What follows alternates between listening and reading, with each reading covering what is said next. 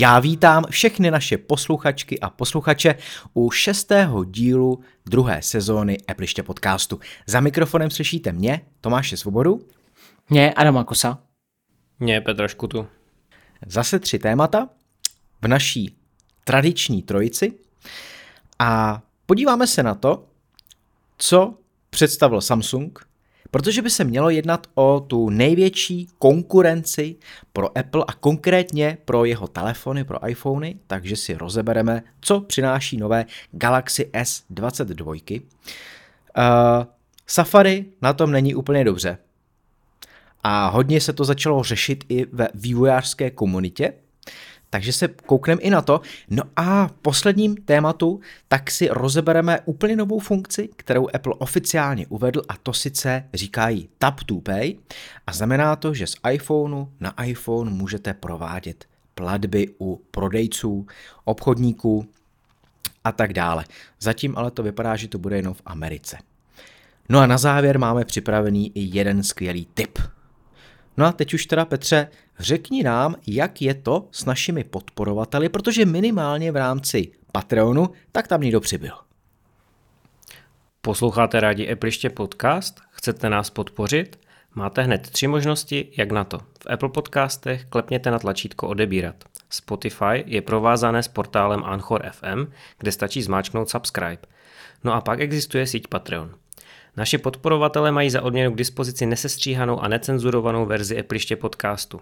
A všichni posluchači pak plnou verzi, která byla, je a bude celá zdarma. Naši patroni Aleš Slabý, Hanna Došková, Martin Krkavec, Pavel Vavřínek, Šimon Oravsky, Jaroslav Hubička, Kubis, Lukáš Toman, Zdeněk Vízek, Vladimír Štíbr, Shitcoin Minimalista, Roman Tomas Sedlar, Kamil Procházka, Jiří Beníšek, Jakub Král, Michal, Ondřej Matoušek, Marian Vorel, Michal Louda, Tomáš Pastrňák. Děkujeme. Děkujeme. Děkujeme.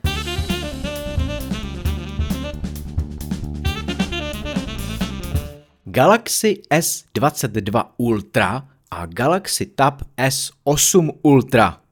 Já doufám, že jsem to přečetl dobře. Jsou to nové modely od Samsungu a sice první je telefon a druhý je tablet. Aspoň tak asi bychom to mohli zařadit. No a očekává se, že to bude hlavní konkurence právě iPhoneu a iPadu. Adame, ty jsi sledoval přímo tu akci, tu Samsung Keynote, jak bych to takhle mohl nazvat? Ano, ano. A, a proč si to dělal? Hele, mě to, mě to i jako zajímalo, vzhledem k tomu, že a vlastně je to přetočený, že jo, jako to dělá Apple poslední dobou. A přesně daný to video, kde se střídají ty lidi, prezentují ty jednotlivé produkty, tak jsem byl zvědavý, jako jak to pojme Samsung. Samsung je logicky největší konkurent Apple, co se týče prodejů mobilních telefonů, tak jsem to chtěl prostě jako vidět, tak jsem na to koukal a musím říct, že jsem z toho vůbec nebyl otrávený. Tak a oni to měli teda taky sestříhaný jako nějaký video? Jasně, jo? jasně. A byli tam stejní lidi jako u Apple? Uh, úplně. Jo. I Tim Cook tam vystupoval no, a říkal, to. tohle je náš nový nejlepší Galaxy. Uh, no, ne, ne uh, se vším všude. ono, co si budem povídat, těch změn tam oproti té loňské generaci za stolik úplně není. Obzvláště pokud se podíváme na tu základní řadu jako S22 a S22+, plus, oproti těm 21, tam je pár decentních změn, jako změny tam jsou, ale je to, přijde mi to spíš po stylu Apple, jo, kde mezi 12 a 13 je těch změn jako fakt pramálo. Jo, takže podobnou strategii razil i Samsung, i co se týče jakoby designu jako like nepozná, jestli je to tenhle model nebo ten eh, předchozí, jo. Ale u té Ultry už je těch změn poměrně hodně a má určitý takový prvky, který mi přijdou poměrně sympatický. Hm. No, eh, tak kde teda začneme? Začneme u těch telefonů, pak bychom se koukli na zoubek i tomu tabletu teda, když už ho tam máš. A ty si říkal, že Samsung teda představil S22, S22 Plus a potom teda ještě máme S22 Ultra. Takže takhle ty tři telefony, anebo tam byl ještě nějaký čtvrtý model? Ne, jenom tahle, Takhle ty tuhle, tři. to, tuhle tu řadu S-kovou, prostě tu jakoby nejvybavenější smartphoneovou řadu, pokud nepočítáme řadu Z, což jsou skládačky. Jo, ty tam naštěstí nebyly. Ty budou až v létě, Dobrý. prosím tě. Takže S22 a S22 Plus. Já když se na to podívám, tak to vypadá zepředu jako iPhony. Kromě samozřejmě, nemá to výřez, jasný, nahoře má to nějaký průstřel. Poměrně malý. a rozpoznávání tváře to teda taky umí, asi předpokládám. Nebo ne? Hele, rozpoznávání tváře na Androidu funguje trošku na jiný bázi a je to takový to 2D uh, o, o, ověřování. Ne, nedá se to používat třeba na finanční aplikace, protože to není braný jako plnohodnotný biometrický ověření. Proto každý ten model má ultrazvukovou čtečku otisku prstu pod displejem. No, to tady právě koukám a uh, v tom security tak právě nemají uh, nějaký ověření tváře, takže ono tam asi je, ale je to nějaký takový jako vedlejší, vedlejší nějaký způsob uh, ověření asi a není garantovaná extra bezpečnost. Uh, hele, netuším, protože jsem do toho úplně nezabředával, nemám s tím zkušenosti, nemám Samsung, na kterým bych si to vyzkoušel. Předpokládám, že tam ta funkce bude minimálně určitě z Google Play si můžeš stáhnout miliardu aplikací, které ti budou ověřovat, ale věřím, že jo. Takže uh, primárně a zabezpečeně přistupuješ k tomu telefonu přes otisk prstů, který je v displeji, ale uh, nevím, jak to bude s tou novou generací, s tou starší to bylo tak, že na to bylo vyhrazené místo, že nemůžeš prostě plácnout ten palec kamkoliv na displeji, ale musíš nějak do, do dolní třetiny a uživatelé, co jsem tak nějak jako slyšel, postřeh hledal, tak jako ne každý je s tím úplně spokojený. Na Face ID můžeš namířit ksicht prakticky jakkoliv, pokud uh, nemáš roušku přes držťku, uh, což teda se Nebo sluneční brýle. A nebo, a což teda s novým iOS by se mělo trošku odladit. Zatím to nemáme, takže třeba to ani nepřijde, tak to neberme jako bernou minci. Nicméně, já si myslím, že mě osobně by ta ultrazvuková čtečka vyhovovala víc. Já už volám i poměrně dlouhou dobu potom, aby, aby iPhone nabízel obě dvě možnosti, čehož se pravděpodobně stejně nedočkám, ale uh, i když teď, jestli, jestli teda půjde odemykat telefon s rouškou, budíš, asi, asi uh, přistoupím na tu hru Apple, že teda po těch dvou letech a když už u nás se tahle strašně rozvolňuje, to bude úplně zbytečný, ale OK, beru. Um, teďka k těm rozměrům je vlastně zajímavý, jak je to podobný s iPhonema, kdy S22 tak má 6,1 palcový displej, stejně jako iPhone 13, jo? A uh, tloušťka je 7,6 mm.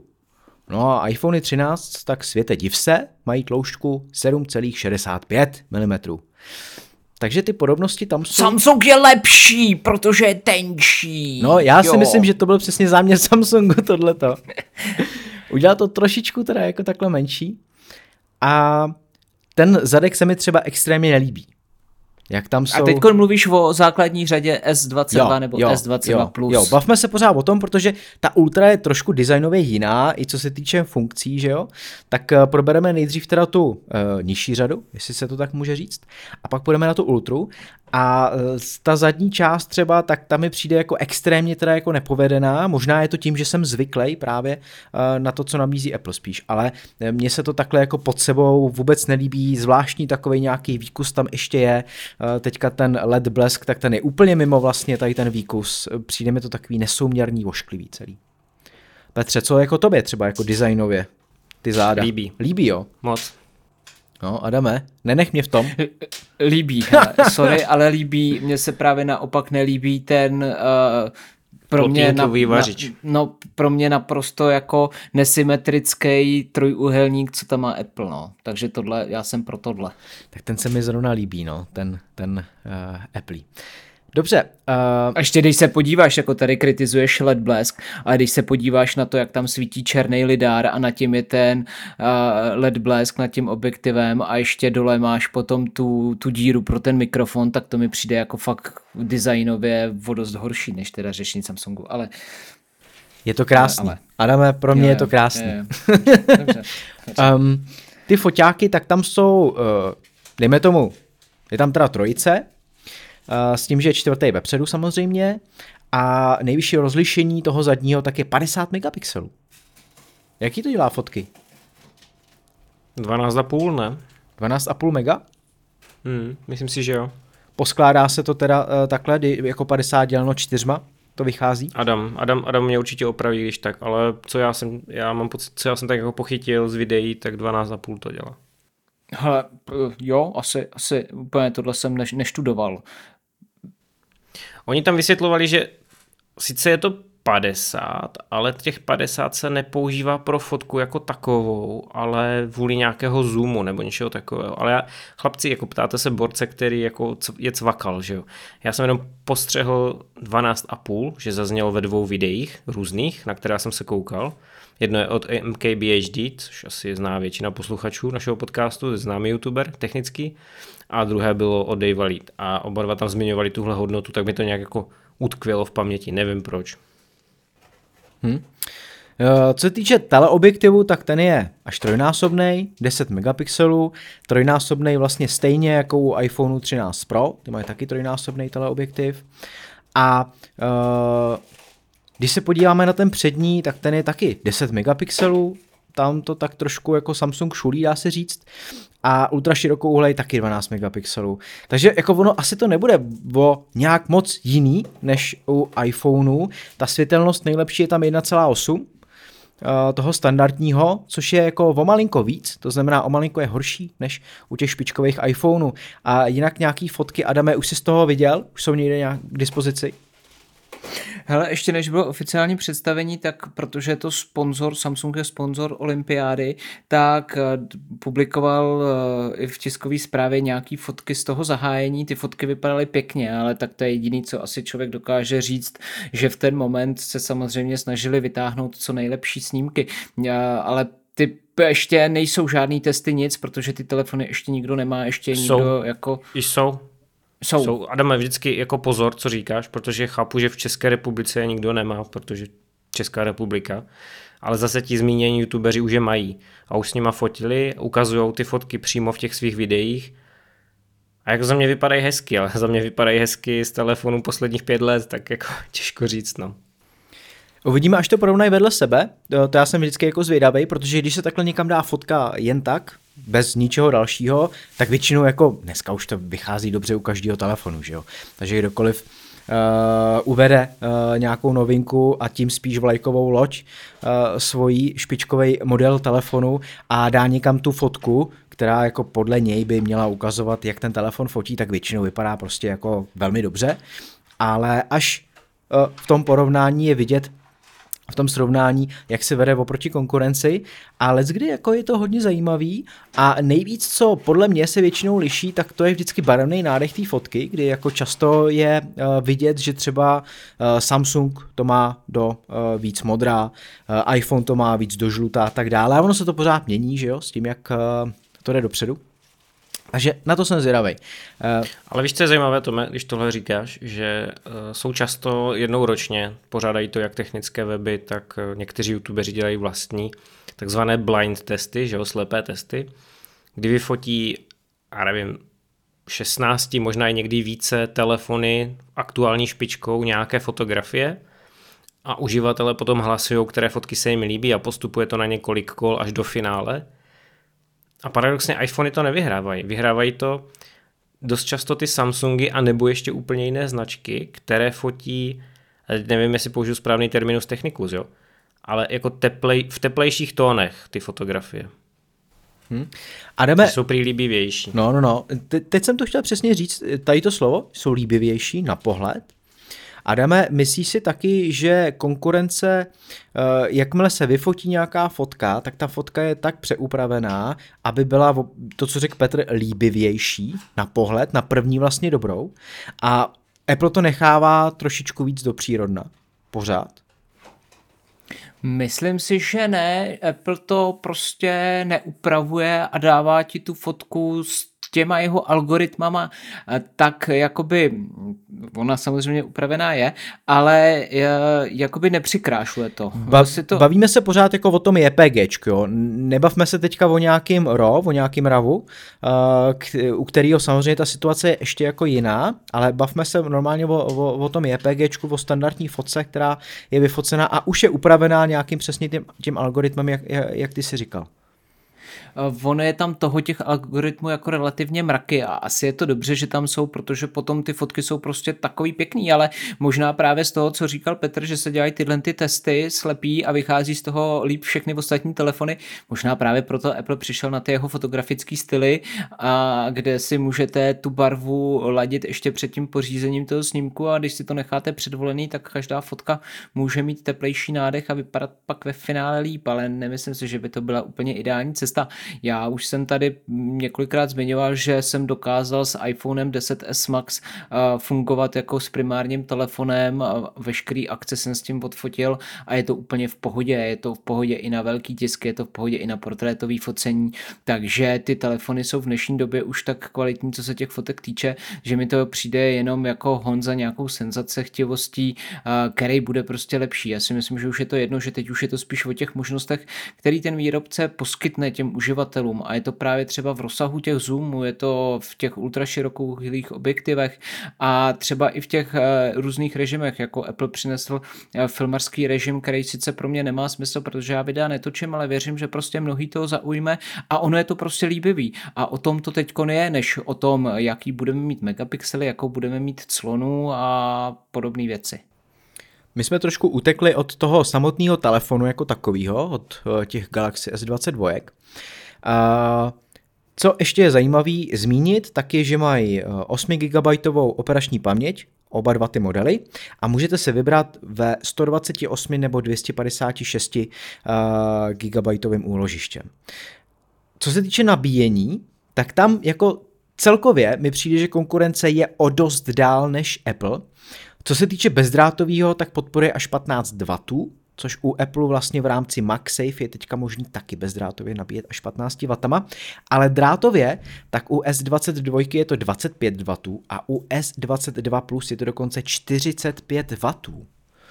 Tak eh, my už jsme se o tom několikrát bavili, ale... Hlavně nepotřebuješ ten MagSafe, jo? to je ano. bys měl zdůraznit dvakrát a potrhnout ještě. No, nepotřebuješ ten MagSafe, to znamená tady klasický to bezdrátový nabíjení QI, ši, podle toho, jak to budete číst, uh, tak pokud bezdrátová nabíječka podporuje 15 W, tak telefon se 15 W nabíjet bude. U Apple je to tuším pořád 10 maximum, nebo možná i 7,5 u některých modelů. Takže Ši je 7,5 u Apple. No. Uh, MagSafe podporuje 15 W nabíjení, nicméně uh, je to hodně sporný tohleto, protože co mám takové informace od různých výrobců, tak vlastně MagSafe certifikaci má samozřejmě Apple a Belkin. Víceméně nikdo ty nabíječky oficiální s tím, že mají na krabičkách nalepený ten štítek, jo, prostě kompatibilita MagSafe, nemají a ani ty názvy neuvádějí do samotného toho produktu, protože to MagSafe nemůžou používat. Ale i tyhle ty neoficiální nabíječky, které nabíjejí uh, jakýkoliv jiný zařízení 15 15 W, tak dokážou i ten iPhone nabít těma 15 W. Takže je to, je to jako kolem toho hodně takových nejasností a přijde mi to dost jako tohle takový hloupý, no. Jak od Apple, tak od výrobců. Proč by Apple to neumožňoval, že jo, nabíjet 15 W, když telefon to umí. Protože chce, ať si koupíš ten MagSafe, Adame. Jasně, je to o prachách, je to, je to o prachách, ano. A ještě jenom se zastavím u toho drátového nabíjení. Ono, uh, Samsung vyhnal kdysi to, ty rychlosti ještě vejš, než teď umožňuje ta, těch 45 W, ale pochopil, podobně jako Apple, že v té rychlosti není to ideální, co se týče té tý životnosti té baterie. Takže on potom zase downgradeoval, když to tak řeknu, a schodil tu rychlost na to aktuální hodnotu, protože třeba S21 ty na tom byly ještě hůř, a ty na tom byly prakticky jako teď Apple, myslím, že měli těch 20, nebo jako má ten základní, základní model S22. Takže i když všichni jdou proti Apple, že má to pomalý nabíjení, tak prostě on asi ví, proč to dělá a asi mu i Samsung teď tím letím dává zapravdu. Sice zvednul tu rychlost, ale furt nedosahuje těch rychlostí jako konkurence. Já jenom řeknu, že nejrychlejší je aktuálně OnePlus, který má technologii Warp Charge 65 W.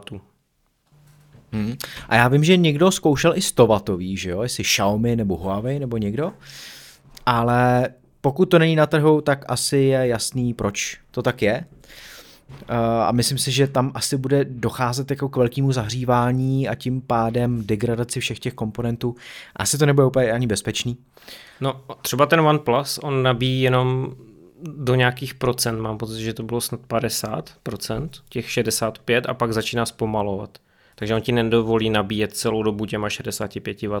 Hmm, hmm. Mimochodem, teďka jsem slyšel jako ještě zajímavou věc, když ještě malinko jako odbočíme, ale bude se to držet toho nabíjení, tak uh, Apple Watchky, poslední Series uh, sedmičky, tak uh, ty už mají to rychlejší nabíjení, kdy Apple sám říká, že je to o 30% rychlejší, ale podle jako všemožných testů to vypadá, že ono je to o dost víc rychlejší a že je to třeba dvojnásobně rychlejší než to klasický, tím klasickým uh, kabelem, takže ty hodinky dobijete za 50 minut. Od 0 na 100 a klasickým byste je nabíjeli přes dvě hodiny. Takže to mě docela zarazilo, že vlastně Apple uh, tvrdí, že o 30%, ale skutečnost je ještě lepší, což nebejvá jako moc často pravidlem, co se týče nabíjení a baterie. Že jo? No, on je v Apple v tomhle hodně zdrženlivý a on se spíš bojí eh, říkat ty čísla eh, lepší, než ve skutečnosti uvádí, protože by tam mohl narazit na nějaký problém, protože i třeba 13 eh, Pro Max dokáže být nabíjený až 28 W, ale přitom se uvádí jenom 20 W. Jo. Takže taky právě proběhly různé testy a tam dosáhli toho, že s patřičným adaptérem pofrčí touhletou rychlostí. Pojďme se přesunout na tu S22 Ultra, která je prošpikovaná nejmodernějšíma funkcema a vypadá jako velmi zvláštně, nebo zvláštně. Um, já bych to přirovnal k Xperím od Sony. Nevím, jak jsou... Mně se líbí. Jo, tak jasný, jako, jako, předpokládám, že asi budete mi oponovat. Mně moc ne. A vzadu má pět objektivů dokonce. I teda s LED bleskem navíc. A 108 megapixelů je nejvyšší rozlišení toho standardního objektivu. Světelnost 1,8, což je zajímavý, že vlastně je poměrně ta světelnost malá, respektive e, není tak dobrá, jak e, je u Apple a jak si myslím, že Samsung ji trošičku e, jako zhoršil, Adame, že už měl 1,7, možná i míň, ne? Nepletu Myslíš se. jako v předchozím modelu ano, nebo historicky? v předchozím modelu. Myslím si, že ne. Tam se ne, v těch fotoaparátech se fyzicky prakticky neděly žádné změny, ty se děly softwarově. Takže myslím si, že foťáky jsou jako na chlup stejný, co se té ultry týče. Hmm.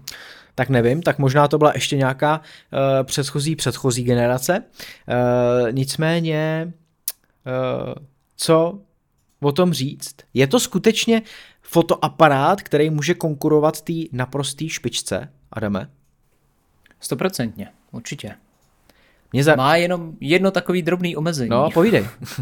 no a to je použitý chipset, že? protože u nás bude dostupný, eh, jako Apple má své A15, tak Samsung má své Exynosy, který vyvíjí v uvozovkách sám, ale s trošku pomocí dalších výrobců. Tady mu pomáhá třeba AMD. Nicméně ty Exynosy mají trošku problém s tím, že úplně nedokážou ten telefon utáhnout, zahřívají se a jsou docela problematický. Nicméně Samsung prostě nemůže si nedovolit nedat ho do svý špičkový lodě, takže mm, má dvě varianty, buď právě ten Exynos 2200 nebo Snapdragon 8 Gen 1, který bude třeba na americkém trhu, ale na evropském bude právě ten Exynos. A když se podíváte na hodnocení DxO Mark, což je francouzský magazín, který se nějakým způsobem snaží najít uh, ten nejlepší fotomobil, ať už mu věříte nebo ne, tak uh, právě testoval v obě dvě verze a třeba ta Exynos oproti té Snapdragoní totálně jako pohořela a má úplně prostě o, o body někde jinde, třeba o 12-15 příček jako za, za tím stejným modelem, který má jiný chipset. Takže tady uvidíme, eh, jak eh, si Samsung s tím poradí. Já bych se toho úplně nebál a zase bych se jako odvolal k tomu, co už jsem řekl. Ty foťáky jsou fakt jako kvalitní. A tady těch 108 megapixelů má prostě výhodu a nevýhodu. Já spíš, eh, mě je spíš sympatický sympatičtější ta cesta toho Apple, kdy nám zvětšuje snímač, zvětšuje nám pixely, ale zachovává rozlišení. Samsung na to jde prostě druhou, druhou cestou, který dá tam mraky maličkých pixelů, ale ve finále stejně ta fotka nemusí být 108 megapixelová, samozřejmě se to dělí a ve finále ten výsledek může být podobný, stejný nebo lepší. To už, to už záleží i na světelných podmínkách a variantách. Každopádně, pokud chcete i pořídit tu 108 megapixelovou fotku, tak můžete a pak si vytisknete prostě v obrovský plátno přes celou zeď a teoreticky ta fotka bude i dobrá. Uh, uvádí někde Samsung hmotnost tady toho telefonu, protože uhlopříčka displeje je 6,8 palců a hloubka je 8,9 mm, což v porovnání s iPhonem 13 Pro Max, tak ten má pořád těch, co už jsme říkali, 7,65 a váží 238 gramů. Mně z toho vychází, že Samsung S22 Ultra by měl vážit něco kolem 300 gramů. Tak to ti vychází špatně, ale když budeš ještě chvilku mluvit, tak já ti to najdu. Tak mi to najdi, protože to by mě jako fakt zajímalo. A má taky 120 Hz uh, display, obnovací frekvenci. A no pozor, se... on je lepší, než co má Apple. Tak, to jsem chtěl ano. říct. Ty se koukni na těch 240 Hz a zkus nám to osvětlit, co to tady v tom případě znamená. A on se dívá na tu hmotnost, ne? Já jsem mezi tím chtěl říct, že tam je LTPO2, no, já jsem říkal Petře. používá třeba ve očkách. No ale já chci teda, já to už si to vezmu, že jo, to slovo, když už jsem začal no, mluvit. No vezmi si to. Jde o to, že ten displej je schopný jít až na 1 Hz. To znamená, úplně se stlumí ta zobrazovací frekvence a za vteřinu zobrazí jenom jeden snímek což je geniální třeba pro případ, pokud chceš mít na displeji zobrazené třeba jenom hodiny nebo nějaké notifikace úplně základní, což Apple nikdy neudělal, tvrdil, že to nejde, že to žere baterku, Androidy to měli nějakou dobu a tady s tímhle displejem si myslím, že to nebude žrát skoro vůbec nic, takže ty tam můžeš mít neustále zobrazené nějaké základní informace, včetně těch hodin ty kroky toho zobrazování displeje jsou skutečně jako po jednom, po jednotkách? Nebo si myslíš, že budou mít nějaký předem jako třeba 1, 10, 30 Hz a tak dále? Myslím si, že to bude v nějakých, v nějakých těchto krocích, ale nejsem si teďka jistý. Jako oni tam právě se jako chvástali a já jsem to neviděl, protože já jsem viděl videa těch youtuberů. To znamená, neznám přesně detaily specifikace toho LTPO2, ale mělo by to být jako na, na steroidech. Jo, že u toho základního LTPO je to přesně jak to říkáš, a ta dvojka, nevím, jestli se liší tím, že jde až na, tu, na ten jeden herc, anebo jestli, jestli má eh, ještě nějaké jako další vychytávky. A co se týče toho té další položky, 240 Hz touch sampling rate, tak je to plná, pln, plný rozsah 1 až 120, to znamená jo. žádné skoky po deseti, můžeš jít 1 až 120. Hmm, hmm. Takže je to fakt jako vymakanější verze. Aha, a tady se dostáváme do dobrého boje toho, že vlastně někdo má něco lepšího než Apple. A tím to proč, ještě nekončí. A proč by neměl? no, protože všichni si myslí, že Apple je úplně to nejvíc nejlepší, co může existovat, že jo? Jenom teda, Tome, eh, je ta váha 229 gramů. Takže jako ještě fakt, lehčí. jo? To ještě míň. Jo je ještě lehčí než 13 Pro Max.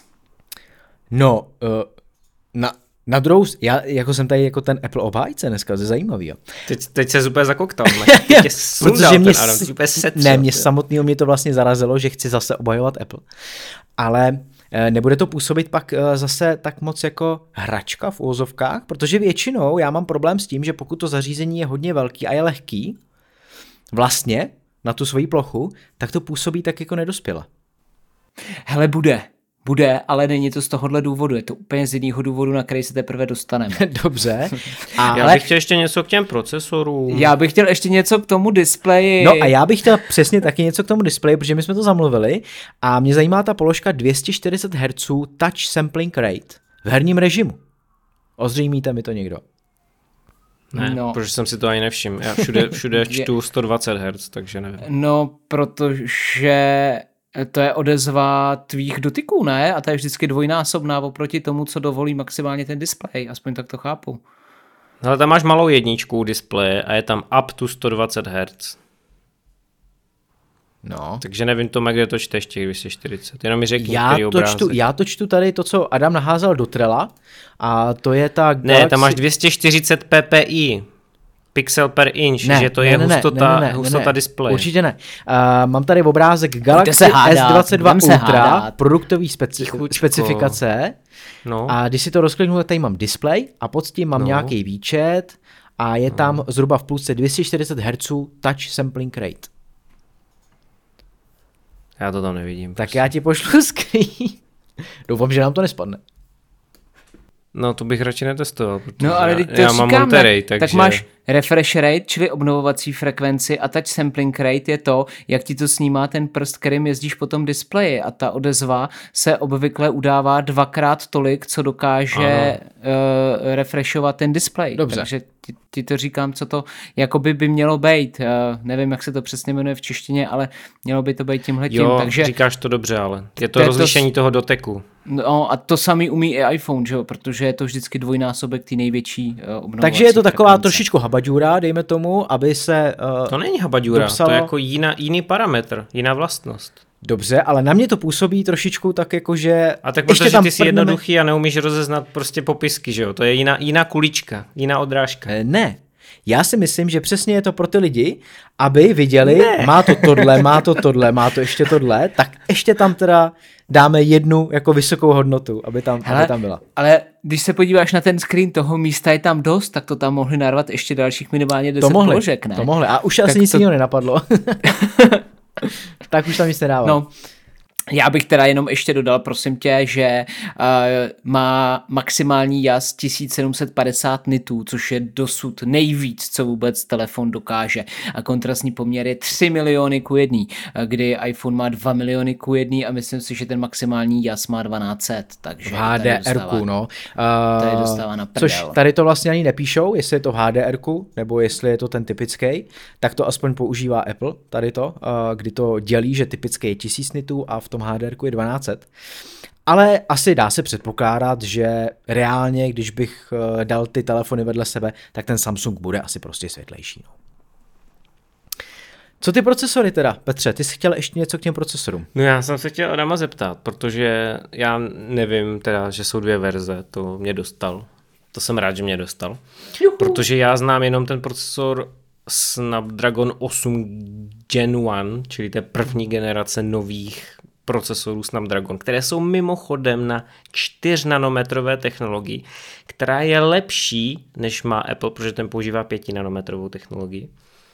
A dokonce ty procesory se skoro dotáhly na výkon procesoru od Apple, což eh, zní srandovně a směšně, ale musíme vzít v potaz, že Apple byl celou dobu lídr trhu a všichni ostatní byli jako na míle daleko. A teď už nejsou na míle daleko, ale šlapou mu na paty. Jo? To znamená, Tomáš teďka bude zase mít nějaké své poznámky, že Apple je ten nejlepší, ale musíme jako uznat, že jakože dobré, že se fakt jako dotáhli a poměrně rychle a bude zajímavé sledovat, čím letos Apple překvapí letos 2022 v září, jak moc a jestli vůbec uh, zase uteče, anebo jestli už Snapdragony budou vlastně dotahovat nebo dokonce překonají Apple. To jsem chtěl říct.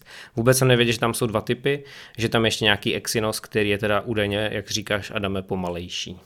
A to platilo, teď by to platit už nemuselo a podle prvních benchmarků e, i o pár stovek bodů překonává ten Exynos ten Snapdragon. Ale to byly zatím asi pravděpodobně nějaký předvýrobní vzorky, takže těžko říct, jak to dopadne. To se rozjede teprve teď. Jenom bych k těm e, čipům ještě dodal to, že i Google má už svůj vlastní čip, který dává do svých pixelů a i tam je velká budoucnost toho, že to někam dotáhne. Takže teď začíná být docela zajímavý boj na poli e, čipů mobilních, takže uvidíme, kam se to bude všechno ubírat a já jim věřím klukům, že dokážou tomu Apple šlapat na paty, aby z něj dotáhl, aby z něj dokázali eh, vytáhnout něco víc, aby si už tam konečně někdo řekl, jako že by to chtělo dát třeba tu M1 do iPhoneu. No, určitě. Já jsem taky pro a tím co nejvíc šlapou na paty, protože jedině tak budou ještě lepší. Um, co bych ještě jako zmínil, jo, co mě vlastně jako zarazilo, když bych si kupoval ten telefon, tak bych si asi v životě nekoupil telefon, uh, který nese barevnou variantu, variantu s názvem Burgundy. Jo. Nedokážu si představit, že bych řekl, jo, chci si koupit teďka iPhone 14 Pro Burgundy. A tak řekneš, že Sierra Blue. To je, to je něco... To zní jak ty vole, to je tamhle dinosaurus z Jurského parku, ta, ale, ta se jmenovala ale, Blue, ale? Burgundy, to je tak nepřitažlivý no. označení, tak nepřitažlivý název barvy, že je to úplně otřesný, jo. Ať je to jakákoliv barva, to je jedno, někomu se barevně může líbit, ale Burgundy, to je hrozný. No, já nevím, se třeba nelíbí. Black, vole, nebo... nebo grafitově šedá, upřímně, tak Jo, jako, že by to mě zní- vzrušovala, to zní. tyjo. Grafitově šedá. Burgundy. to je hrozný. Uh, Adame, je ještě něco, co bychom vytáhli Jasně, v rámci je, a funkcí? doslova, Nějakou špínu doslova Adame ještě vytáhne. vytáhneme, což je ta hračkovina, kterou ty jsi zmiňoval, ale je to to nejdůležitější vlastně, co ten telefon přináší. A je to integrovaný S Pen do těla, a kdy eh, ho A je můžete... černý tuhle generaci. Poprvé je černý. Co to znamená, že je černý? Je to nějaká narážka na něco? Že není bílý. Musel být Hele, on černý? má, Musel? on má třeba i burgundy barvu, jo? To záleží, jakou si nemá, zvolíš nemá, variantu. Adame, pozor, nemá. Jenom ta čepička se mění. to je bu- Tělo Burgundy toho, čepička toho může být. penu je vždycky černé. Ty jo, tak to, to, To jsem vykoukal z videa.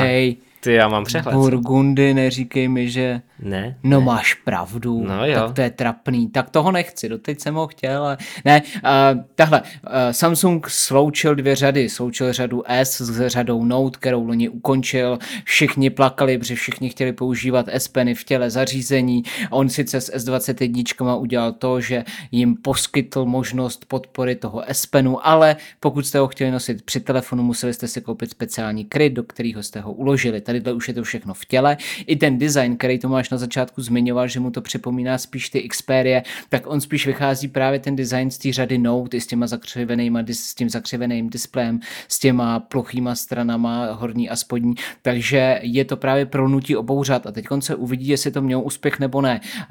Já si myslím, že by to úspěch mít mohlo, ale chtěl jsem hlavně uvést to, že je mi pořád sympatický, že se Samsung snaží něčím odlišit. Pokud ukončil řadu Note z nějakého důvodu, ať už z jakýhokoliv, tak prostě ten populární prvek přinese do svého uh, top modelu, protože tohle to je právě ten nejvíc nejlepší, nejúžasnější, nejdokonalejší telefon z řady Samsungu a právě má takovýhle prvek, který prostě iPhone nemá a nikdy neměl.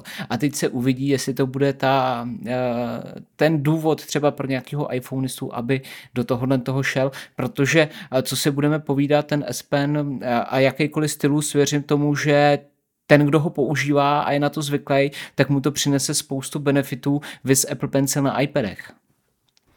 No, teď si řekněme, jestli jako uh, nám by to vyhovovalo, kdyby Ano, Apple šel tímhle směrem vytahování ano. čeho si teda z těla. Petrovi ano. ano, tomu by to vyhovovalo.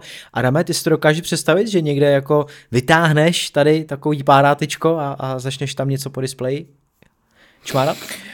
Eh, Věřím tomu, že kdybych to měl, tak bych se k tomu tu cestu našel. V tenhle moment ale nevidím tu potřebu, že bych bez toho nedokázal žít. Hmm.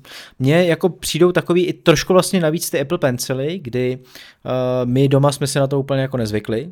Tam leží tak někde. nejsi a- střílovka, že jo?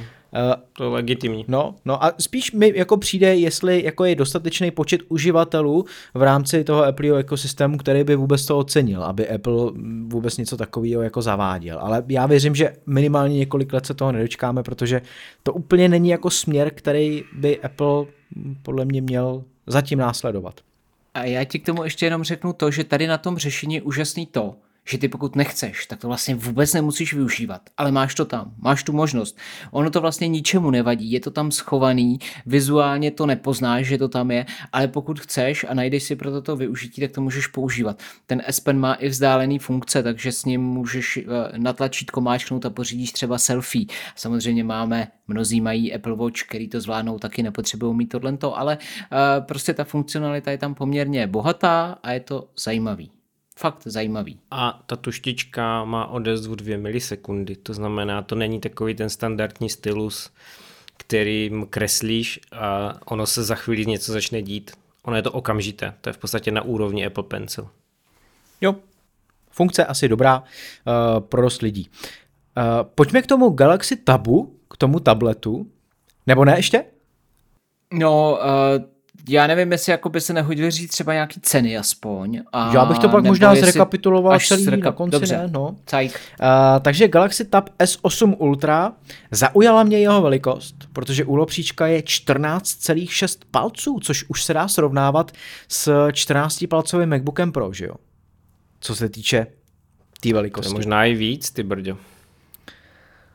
No tak 14,6 bude víc. Hmm. Protože já si myslím, a teďka jako nevím, jestli to není 14,1 u MacBooku. No ale dejme tomu, plus minus je to teda srovnatelný a je to tím pádem obří tablet. Je to tablet, který je větší než největší iPad Pro, což má 12,9 palců u lopříčku.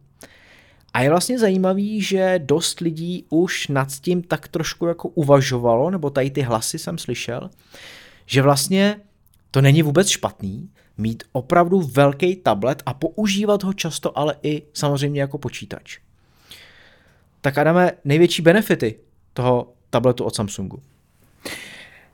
Uh, už jsi zmínil vlastně oba. Jeden je ten obrovský displej, který opravdu dává rozhled pořádný, a druhý je právě rozhraní DeX, který funguje na bázi uh, hodně podobnému počítačovému systému. A ze svého okolí mám dva lidi, kdy jeden si předobjednal Ultru telefon a druhý si předobjednal Ultru právě tenhle ten tablet a to z toho důvodu, že jim chce nahradit svůj stávající počítač, čili běžný laptop na běžnou kancelářskou práci a právě k tomu přispívá to rozhraní toho Dexu, který se fakt chová poměrně hezky.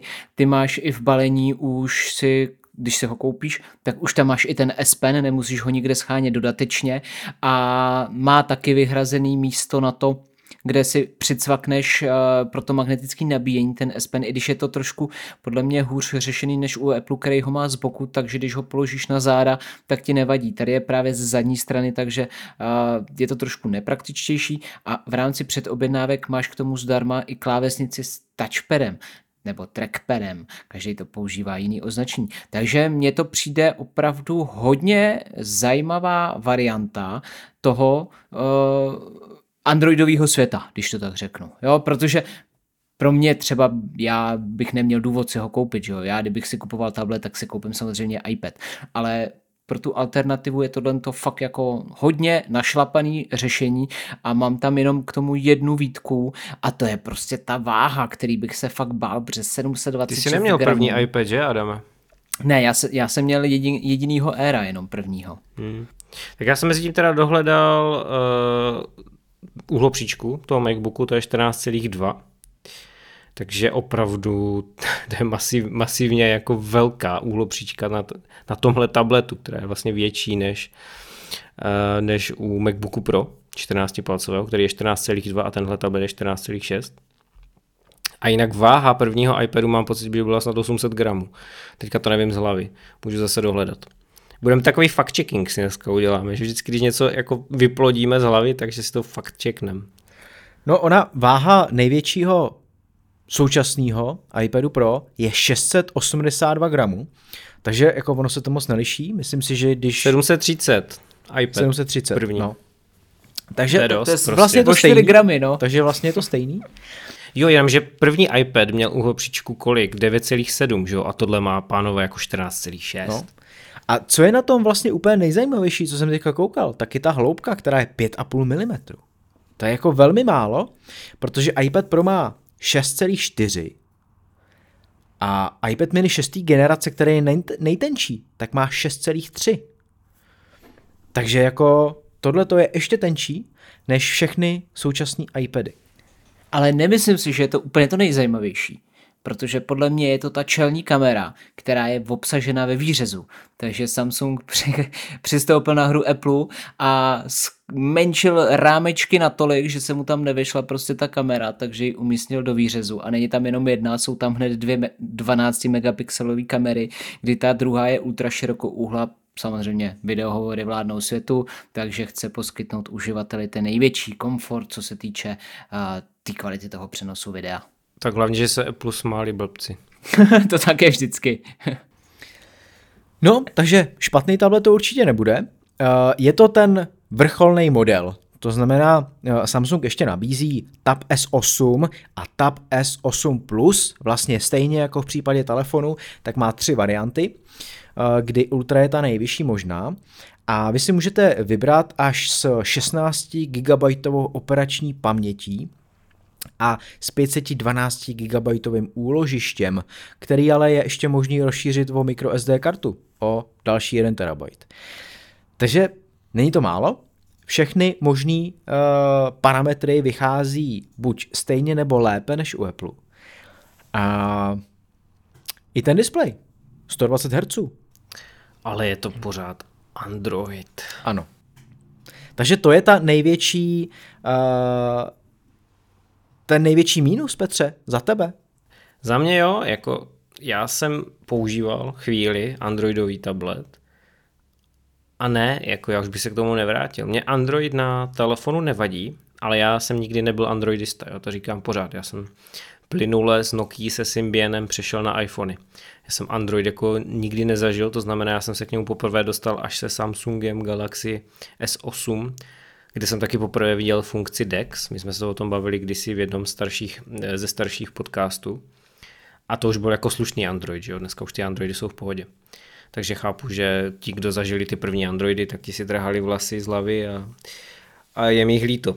Každopádně já jsem to nezažil a na telefonech mi to nevadí. Ale co jsem zažil, bylo, eh, byl Android na tabletech, dokonce jsem s ním musel profesně pracovat kdysi ve firmě, protože jsme poskytovali software pro tyhle tablety, které měly Android 6 a výš většinou a to byli obchodní zástupci a já můžu říct, že ten Android na těch tabletech je prostě něco jako iOS roztažený na velkém displeji.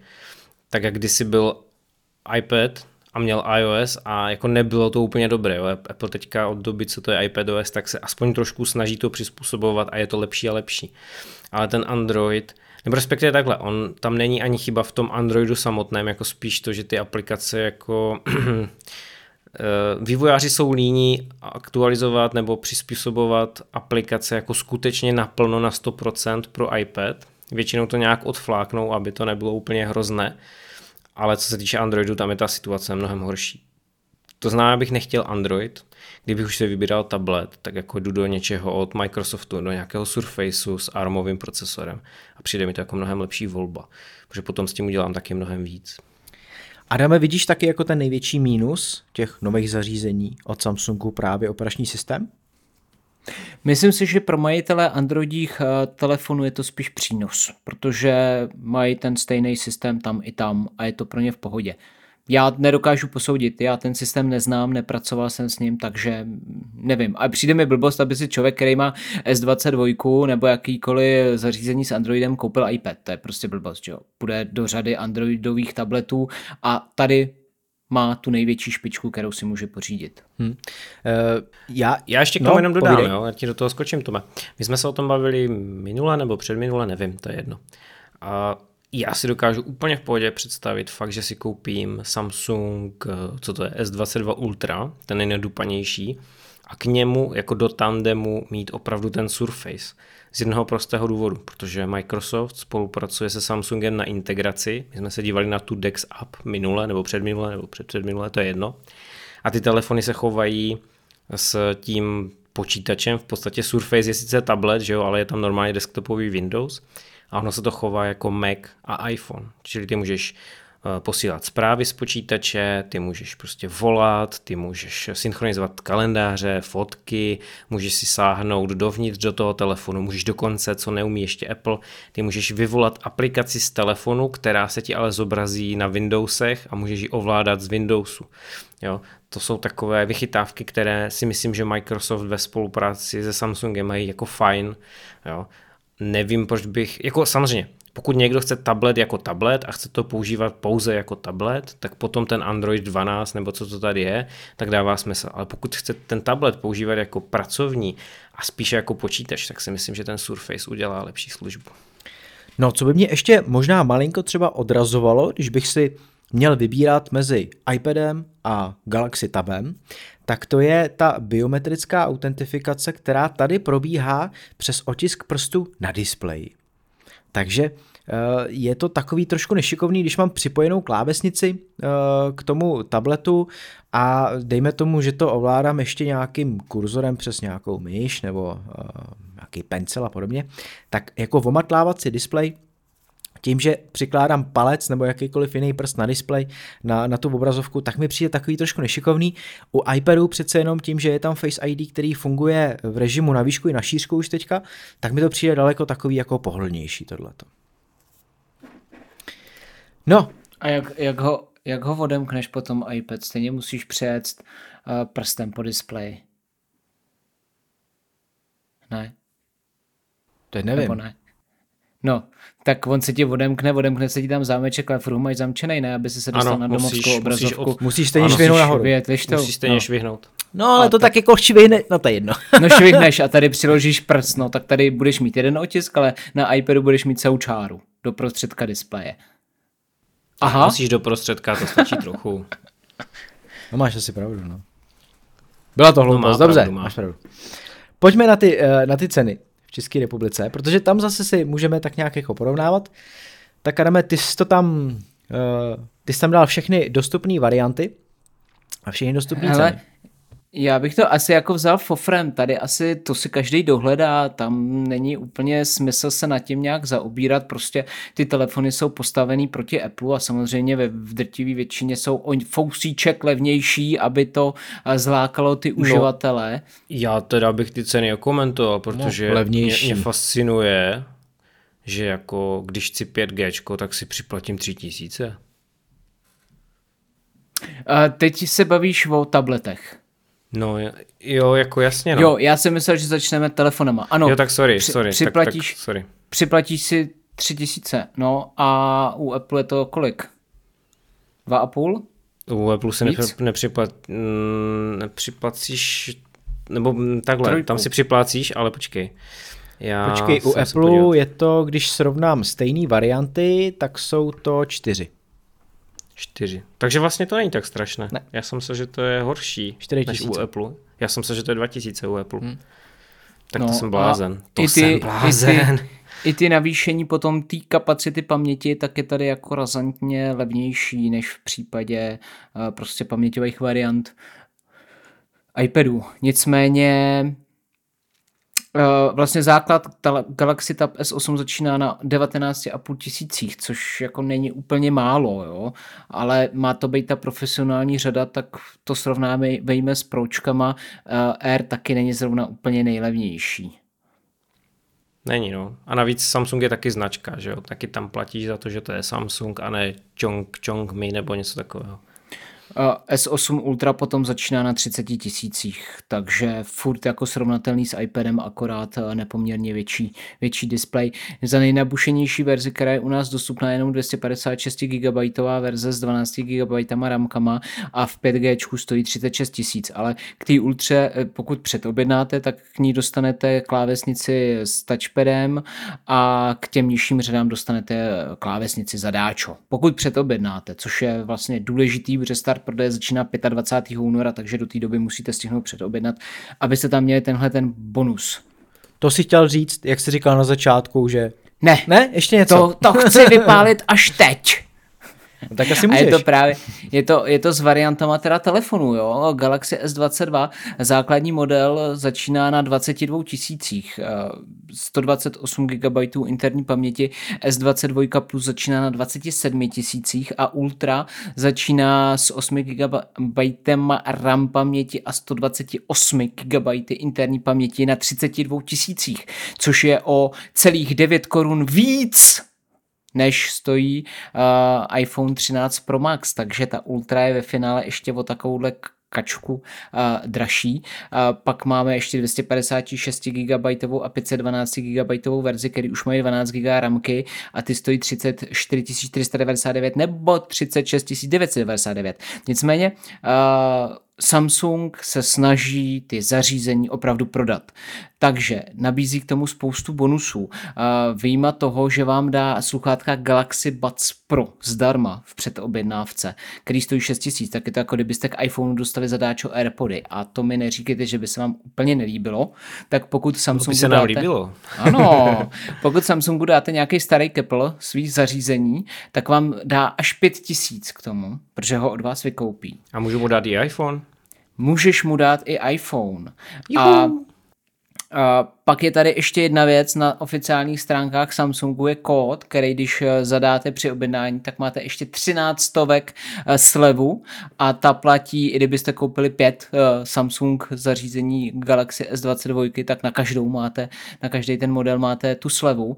A nicméně nejvtipnější na tom je, že Samsung má v České republice zastoupení což Apple nemá. A Samsung fakt chce asi jako prodat. Takže eh, se dá docela dobře domluvit na tom, že pokud zvážíte svou cestu do nějaké pobočky a nějak, k nějakému autorizovanému prodejci, tak on vám nejenom jako přislíbí ty sluchátka, což je jasný, on vám dá i za polofunkční zařízení těch 5000, i když se uvádí až 5000, tak pokud eh, se fakt domluvíte, tak vám to dá a ne jako nějakou odhadovanou cenu, třeba, že tenhle telefon má cenu 2,5 tisíce, tak fakt dokáže dát až těch 5000. A i když i ty eh, s tím, co je na webu, by se správně jako úplně kombinovat nedalo, tak se to kombinovat dá. Takže vy eh, vlastně v základní verzi, pokud eh, vykoupíte zařízení, nebo pokud od vás vykoupí zařízení za 5000, máte k tomu za 6000 sluchátka, dostanete k tomu ještě 13 stovek slevů eh, v rámci toho bonusu zaváděcího, tak jako vy se dostanete o zatraceně velký peníze níž. A... Slyšíš tu klávesnici? Já už objednávám. A prostě jako uh, ve vínové barvě, to. Tome. Vínové. Burgundy. Burgundy. No, Žádné takže... bur... ty buržouste jeden, já si dávám vínovou barvu. Burgundy. takže pokud máte zájem, tak fakt jako to funguje. Mám to ověřený, protože právě ten zmiňovaný, o kterém jsem říkal a tu ultru si předobjednával, tak tohle to všechno jako si dokázal vyjistit a má to odklepnutý. Teď jenom počká prostě, až mu to přijde. Ale víte... Já budu muset taky aktivovat svůj kontakt, který mám v Samsungu, což je kamarád, který byl největší Applista, teď teda, to je jedno. a ověřím si tyto informace, Adam, a jestli to je pravda, tak hmm. Jo. No ale víte, jo. co je Jenom... úplně, úplně nejvtipnější? No. Že Apple nic takového nenabízí. Právě. A stejně to všichni kupují. No, ale řeknu ti upřímně, jako že ty by si se na něj zlobil, kdyby ti nabízel Airpody za Ne, určitě ne. Takovýhle... Hele, já mám tamhle vyskládaný čtyři iPhony od 3G až po pětku, který bych mohl rád za bůra jako někomu dát, jo. Protože mi to jenom leží, mám je na výstavce. A jako klidně každý rok bych mu jeden dal, abych dostal tuhle tu slevu. A jako sluchátka. Jako a tak v Americe to je, ne? Tady tohle, to trade-in se tomu říká, mm-hmm. že jo. Doneseš starého, oni ti ho vykoupí. Ale to ne, no, to prostě jsi banány no. stánu, tak smula. Víš co, tak jako no, podle mě to stejně líp prodáš tamhle někomu na nějakým bazoši, jo, ale to už jo, je věc druhá, no. Ale, ale loni třeba dělal Samsung cashback, takže vyloženě po registraci zařízení těch 5000 vrátil na účet, aniž by potřeboval nějaký to zařízení. Teď on chce být ekologičtější, tak razí tuhle tu cestu. Nicméně vy mu nahlásíte jenom e-mail a neznamená to, že mu musíte dát ten telefon, aniž byste si aktivovali ten novej, takže prostě až máte na to pak asi nějakých 14 dní, než mu ho nějakým způsobem předáte nebo odešlete ten, ten starý, to starý zařízení.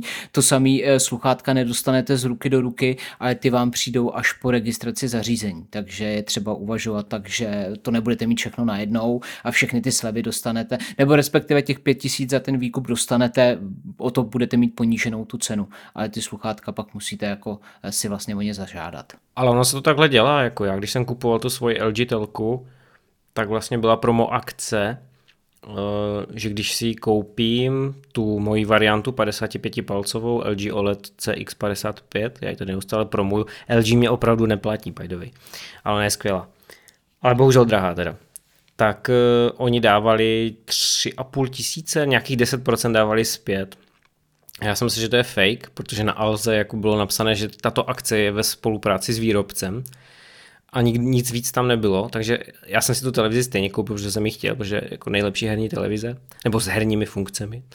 A potom vlastně tam byl i malý letáček v té televizi, že když, když ty se zaregistruješ, musel jsem vyfotit normálně tu krabici s tou televizí, pak tam chtěli ještě nějaké výrobní číslo, nějaké ptákoviny a fakturu jsem fotil. No a 30 dní se nic nedělo a ten 31. den mi vlastně přišlo na účet eh, jako tě, ty 3,5 tisíce k dobru, jako zpátky. Takže tyhle věci fungují. No, od Samsungu tohle funguje. My jsme taky z televizí to takhle měli, taky jsme dostali nějakou slevu, takže jako ty výrobci se snaží samozřejmě, ale, ale Apple, já, já bych to řekl tak, že Apple to opravdu nemá zapotřebí a teďka to myslím na, naprosto bez jakýkoliv jako uh, subjektivity, ale tak to asi je, Apple to prostě nemá zapotřebí. Takže nic takového nedělá.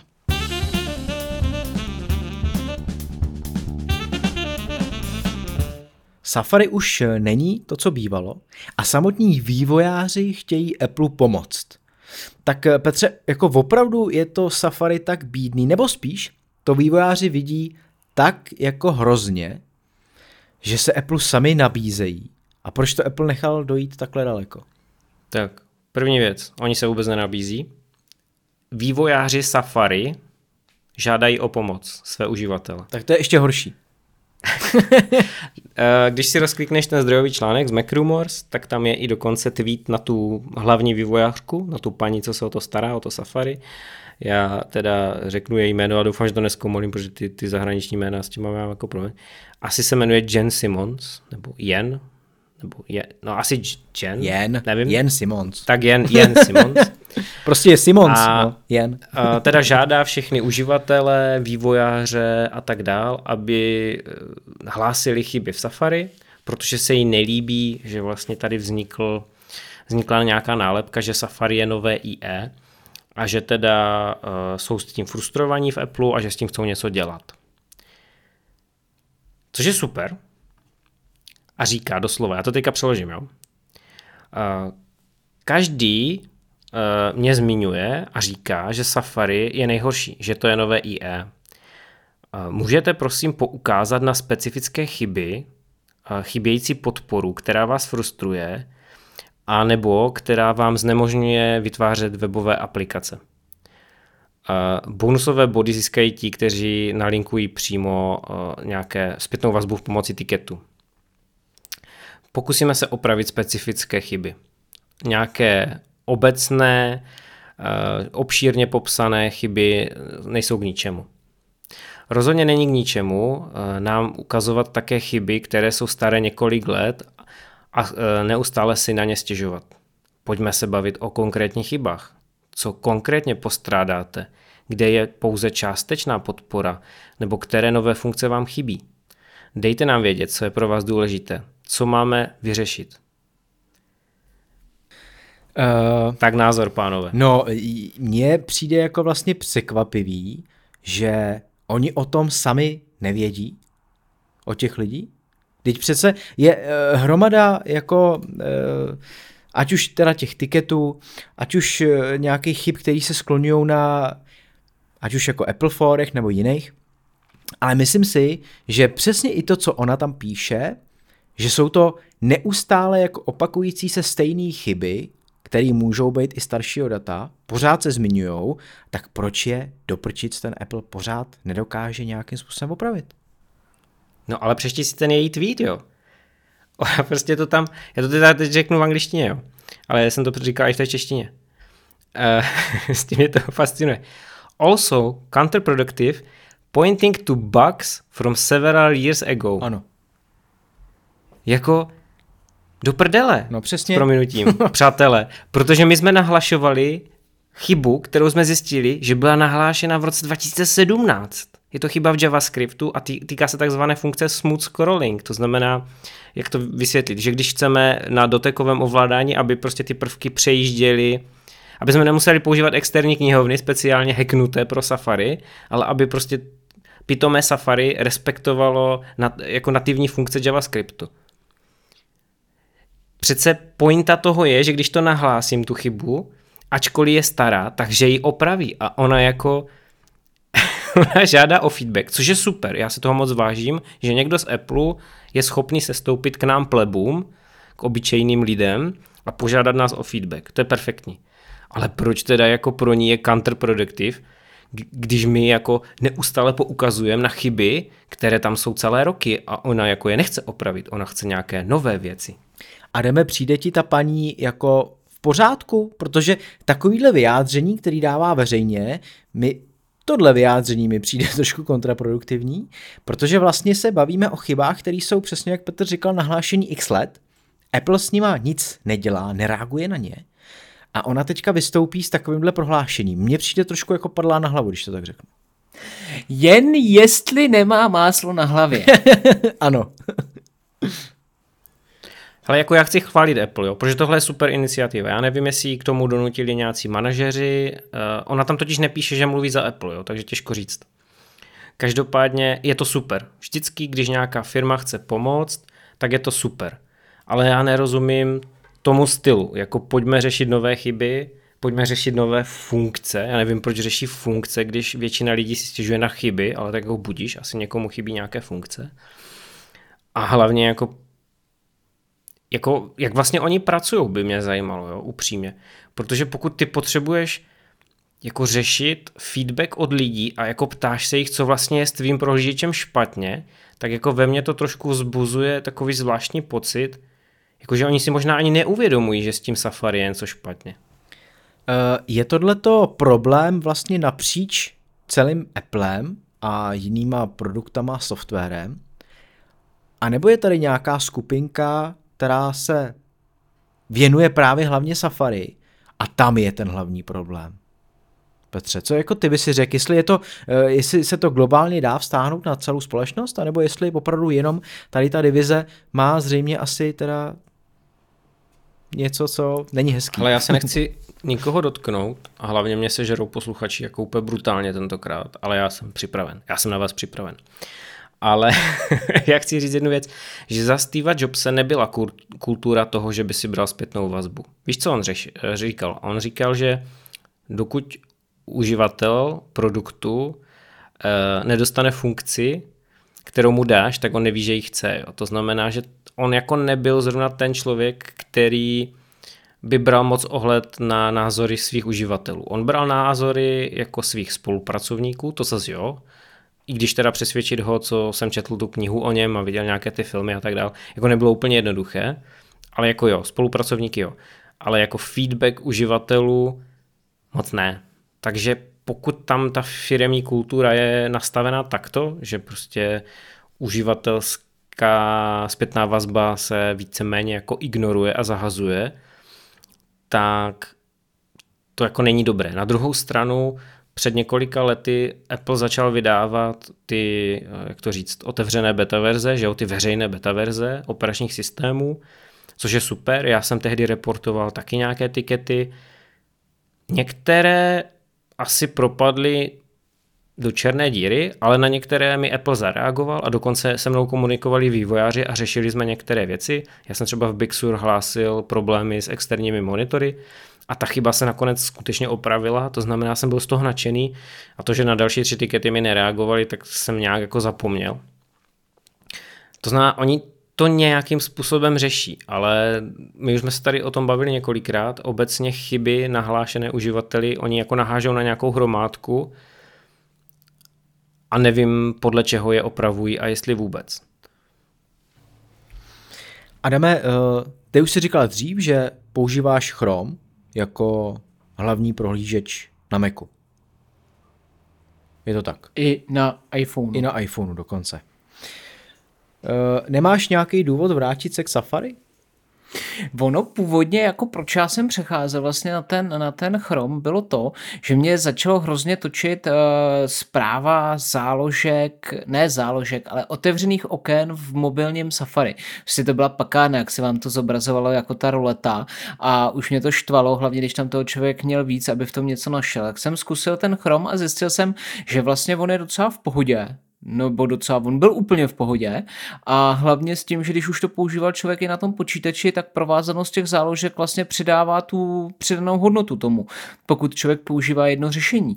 No a až potom Apple přišel s tím, že vlastně to Safari mobilní předělal, takže já bych mohl lousknout prsty a rázem přejít ale nemám k tomu důvod, proč bych vůbec eh, se tím zatěžoval. Předpokládám, že záložky jdou vyexportovat a naimportovat, takže v tom by asi problém nebyl, to bych si nemusel celý dělat znova, ale prostě jenom už ten krok toho, že to musím udělat, mě odrazuje, když jsem s Chromem maximálně spokojený, nemám s tím jediný problém. Ale věřím, že bych ho teď už neměl ani se Safari. Jo. Tehdy jsem to chtěl vyzkoušet, ta možnost tam byla, je možnost změnit si nativní prohlížeč i v rámci iOS, dokonce s iOS 15 už vám to nepíše otevřít v Safari a otevře se vám to v Chromu. A ty, který jsou trošku nejistý, tak ty píšou radši otevřít v prohlížeči a nemenujou, ale funguje to vždycky, že se otevře Chrome, takže já jsem s tím úplně v pohodě a Safari prakticky nepoužívám ani na počítači, ani uh, v iPhoneu. No já musím říct, že uh, používám oba dva ty prohlížeče na Macu, jak Safari, tak Chrome a Chrome používám pro nějaký specifické záležitosti, které vím, že na Safari úplně nefungují. A nebo někdy nefungovaly, třeba teďka už jo, ale historicky vím, že Chrome prostě to přelouská jako líp. Uh, což je třeba, když nahrávám podcast přes Anchor tak ho nahrávám přes Chrome, protože se mi stávalo, že v Safari, když jsem ho uh, uploadoval, tak to normálně zamrzlo to nahrávání a nic se nedělo. A byla to třeba půl hodina a nic. Říkám, tak to čekat nebudu. Zkusím Chrome, zkusil jsem Chrome a všechno bylo bez problému a od té doby to dělám v Chrome. To samé, když potřebuju nějaký specifický pluginy, nějaký rozšíření, eh, který v Safari nemám, protože nebyly, anebo pořád nejsou, tak přece jenom pro Chrome jich je daleko větší množství, protože zase historicky se jich tam nabalilo daleko víc. A celkově mi přijde Chrome v poslední době takovej svižnější, což já můžu na svým uh, několik let starým počítači dobře vyzkoušet vy pánové asi trochu hůř, ale u mě, když mám otevřených víc záložek v Safari, tak už dochází uh, k určitému jako zpomalování té práce a už jenom to přepínání do další záložky třeba je vidět, že v momentě, kdy se tam překliknu, tak třeba chvilku trvá, než ta stránka se tak nějak jako rozjede, vykreslí a je to třeba sekunda, dvě, ale ono to při té celkové práci docela jako obtěžuje. A na tom Chromu mi to přijde takový prostě plynulejší. Bohužel. Petře, eh, je ten Chrome branej jako výkonnější prohlížeč, když to tak řeknu, jako eh, něco, co prostě šlape plynulejš než Safari? No, on není jenom braný, ono jako na to jsou tvrdá data. On je nejlepší ve vykreslování stránek a vyhrává různé testy rychlosti, jak grafického vykreslování pomocí různých eh, frameworků. Čili teoreticky ty v Chrome můžeš hrát hry jako v libovolném prohlížeči, ale v Chromu to jde nejlíp, protože tam je nejlepší podpora WebGL, čili toho webového driveru grafické knihovny. Je nejrychlejší v JavaScriptu, eh, má nejlepší podporu moderních standardů, i když jako Google někdy tlačí svoje standardy a tím, že má zhruba nějakých 80% na trhu, tak je prostě protlačí, protože všichni používají Chrome a všichni chtějí, aby to... To je to je to nebezpečí toho chromu, že se z něho stává monopol a Google za chvíli víceméně ovládá světové vyhledávání a začne ovládat i eh, všechny prohlížeče. To znamená, co řekne Google, tak to prostě bude, jakou technologii implementuje, taková prostě bude.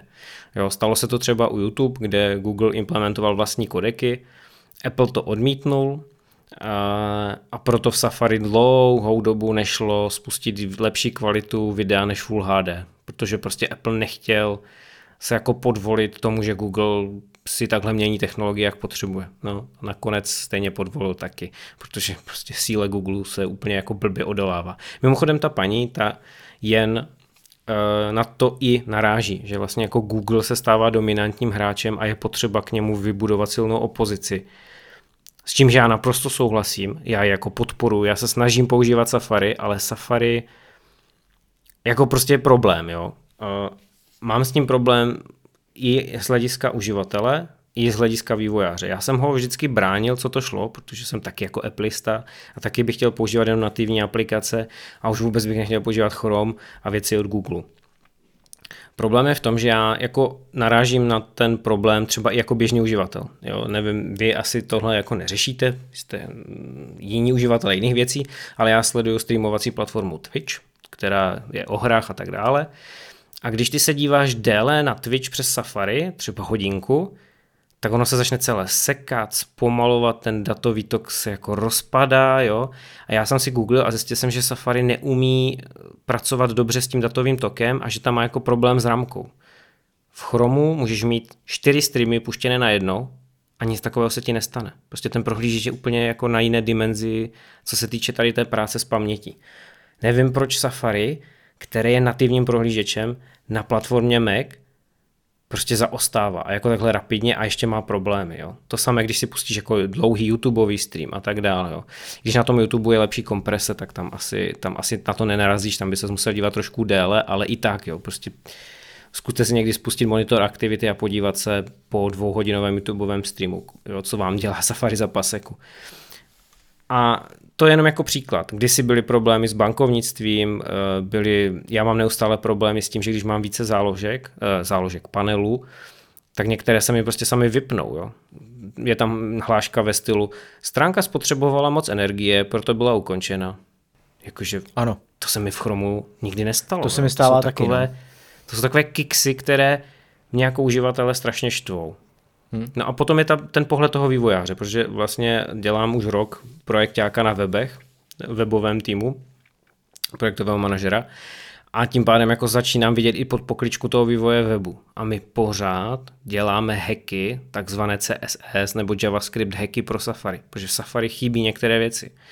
Jo, abych tady jenom nekecal tak obecně. Já ještě, Petře, než řekneš přímo jakoby ty věci, jasně, jasně. tak já ještě, co se Zastavím. týče toho uživatelského pohledu, kdy uh, musím říct teda Safari na iPhoneu teďka nově vlastně podporuje ten soukromý přenos přes iCloud. Je to pořád ještě v beta verzi, takže když vy navštěvujete uh, stránky uh, na webu, tak nikdo se nedozví vlastně uh, vaší identitu, vaši IP adresu, která zůstává skrytá, ale sám Apple to má v té beta verzi proto, protože přiznává, že můžou přijít nějaký problémy, který vám nebudou ukazovat přesně to, co vy jste si vyhledali, hlavně co se týče nějaký lokalizace, ale mně přišlo, že to způsobovalo právě i problémy vůbec jako vykreslování a vůbec zobrazování těch stránek a občas jsem jako na to narazil a říkal jsem si, tak to teda zkusím vypnout a když jsem to vypnul, tak mi to přišlo, že to bylo lepší. Jo.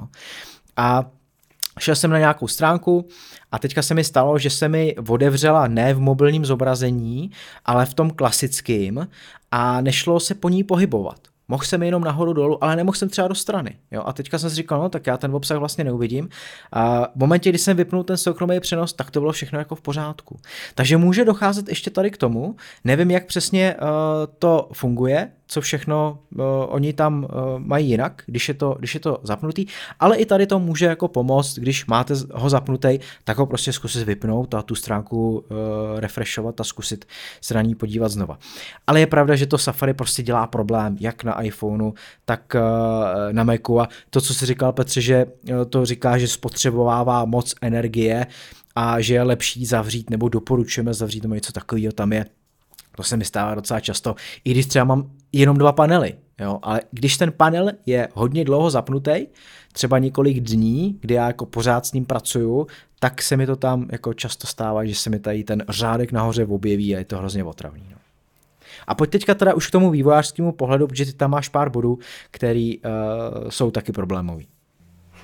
No, já jsem je vybral některé, aby někdo nenařknul, že jenom tak tlako tlachám, nadávám na to oblíbené Appleovské Safari a Appleovečky ho mají rádi a já, co, já, jako, co já do toho mám co kecat.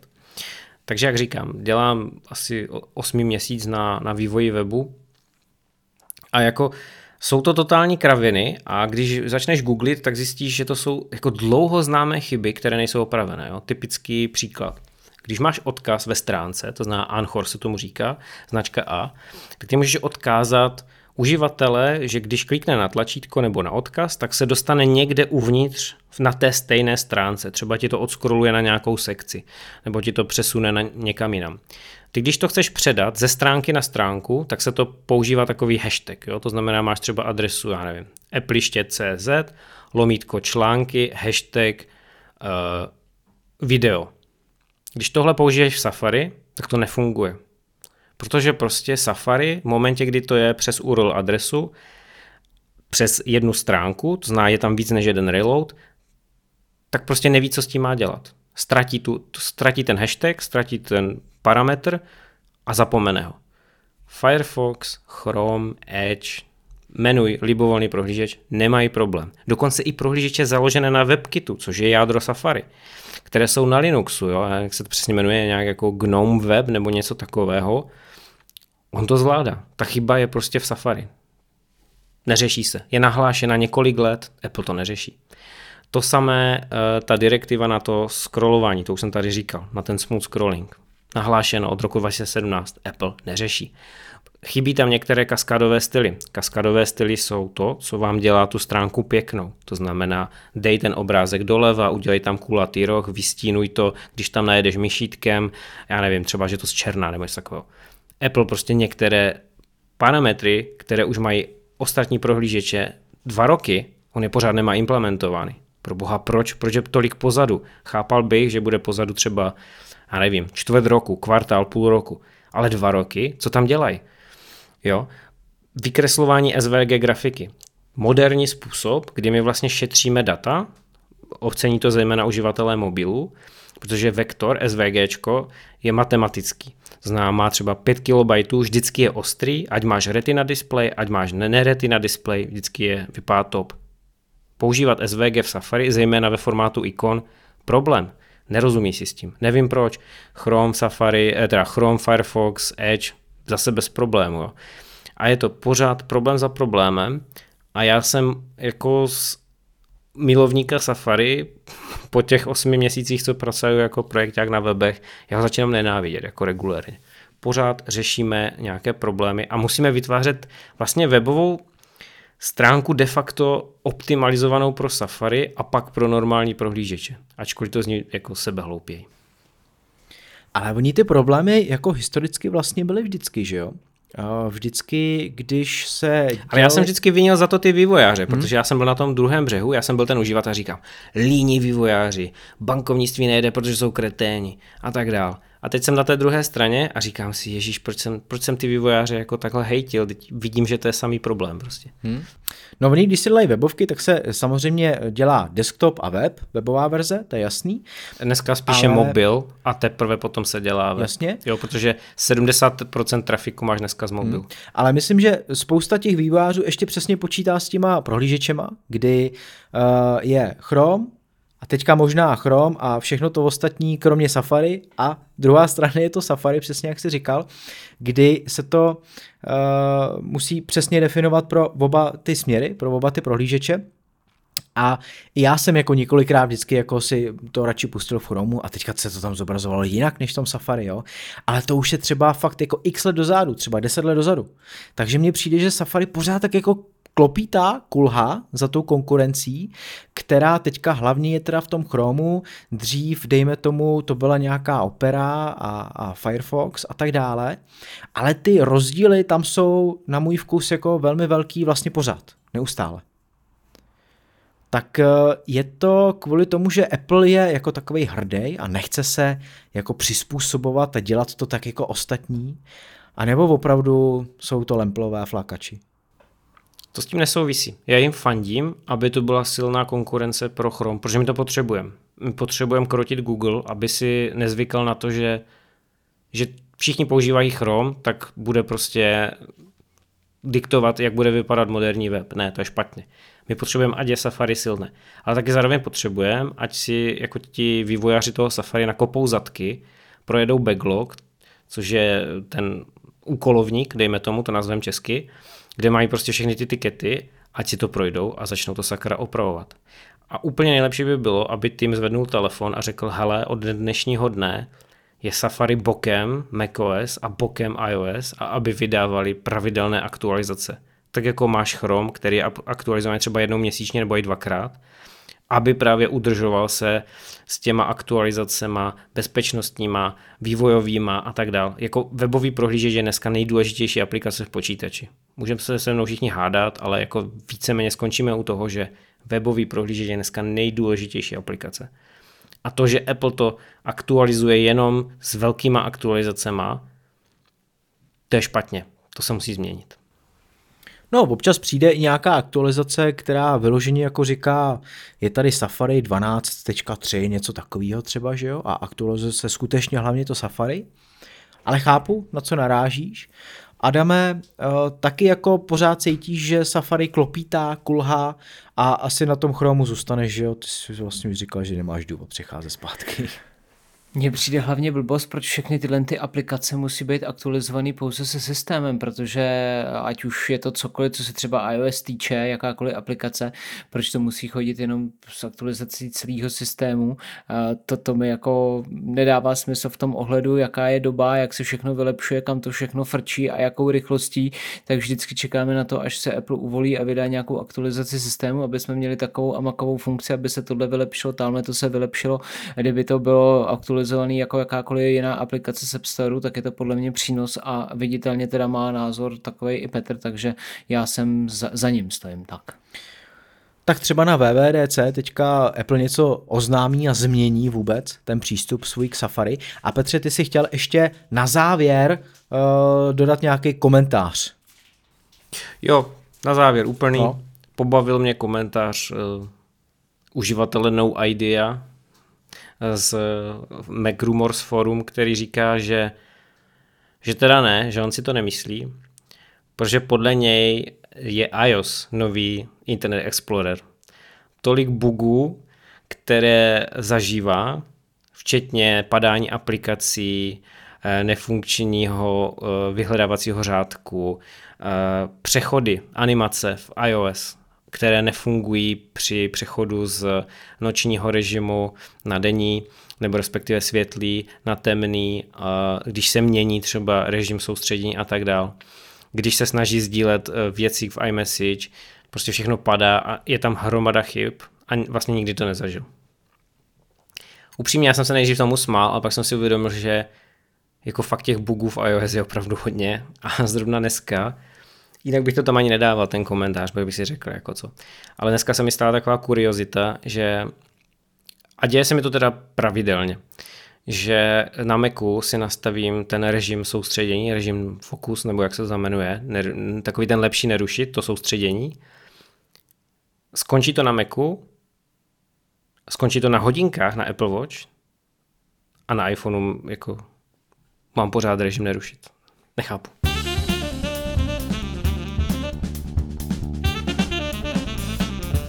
Tap to pay.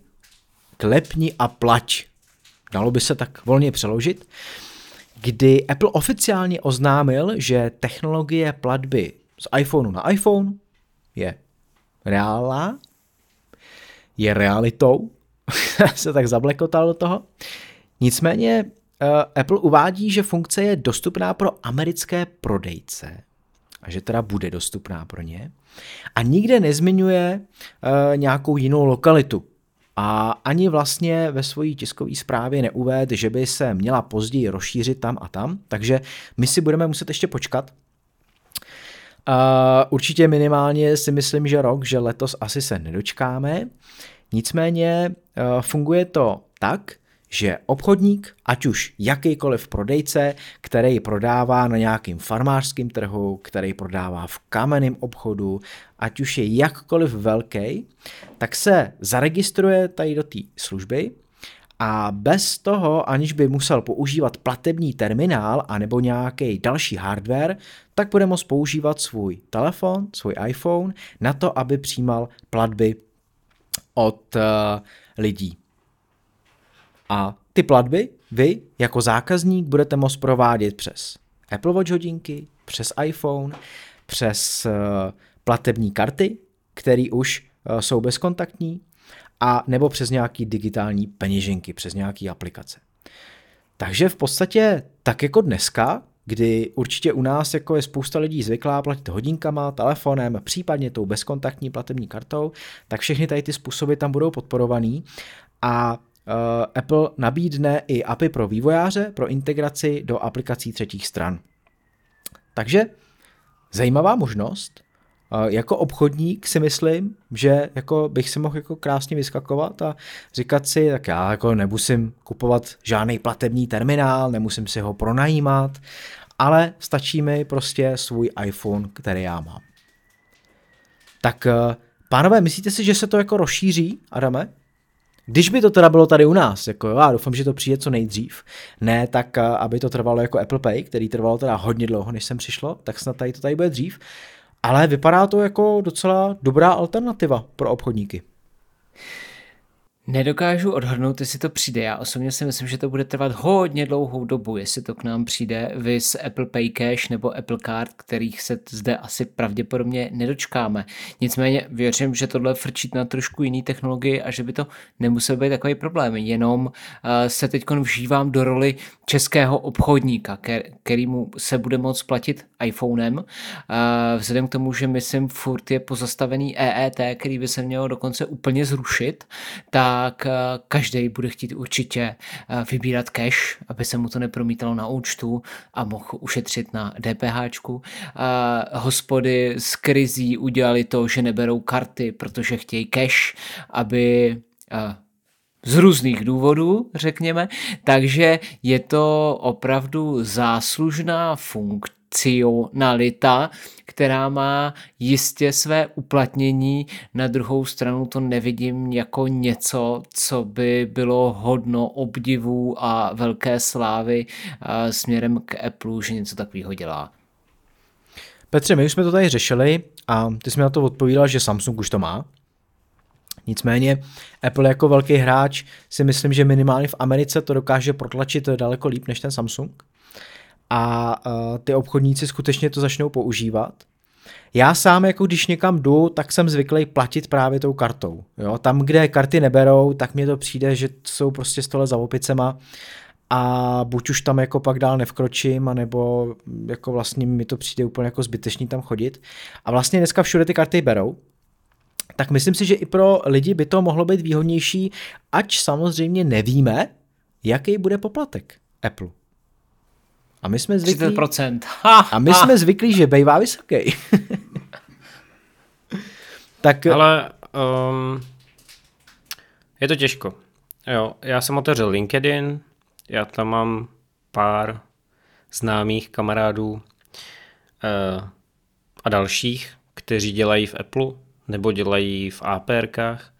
Všichni to tam přezdílovali si mezi sebou, že to je revoluce, že Apple revolucionalizuje trh a neumí používat Google, aby zjistili, že tohle už tady jako funguje u konkurence, ale chápu, v Apple bublině tohle není populární, dívat se ke konkurenci, že už to třeba má.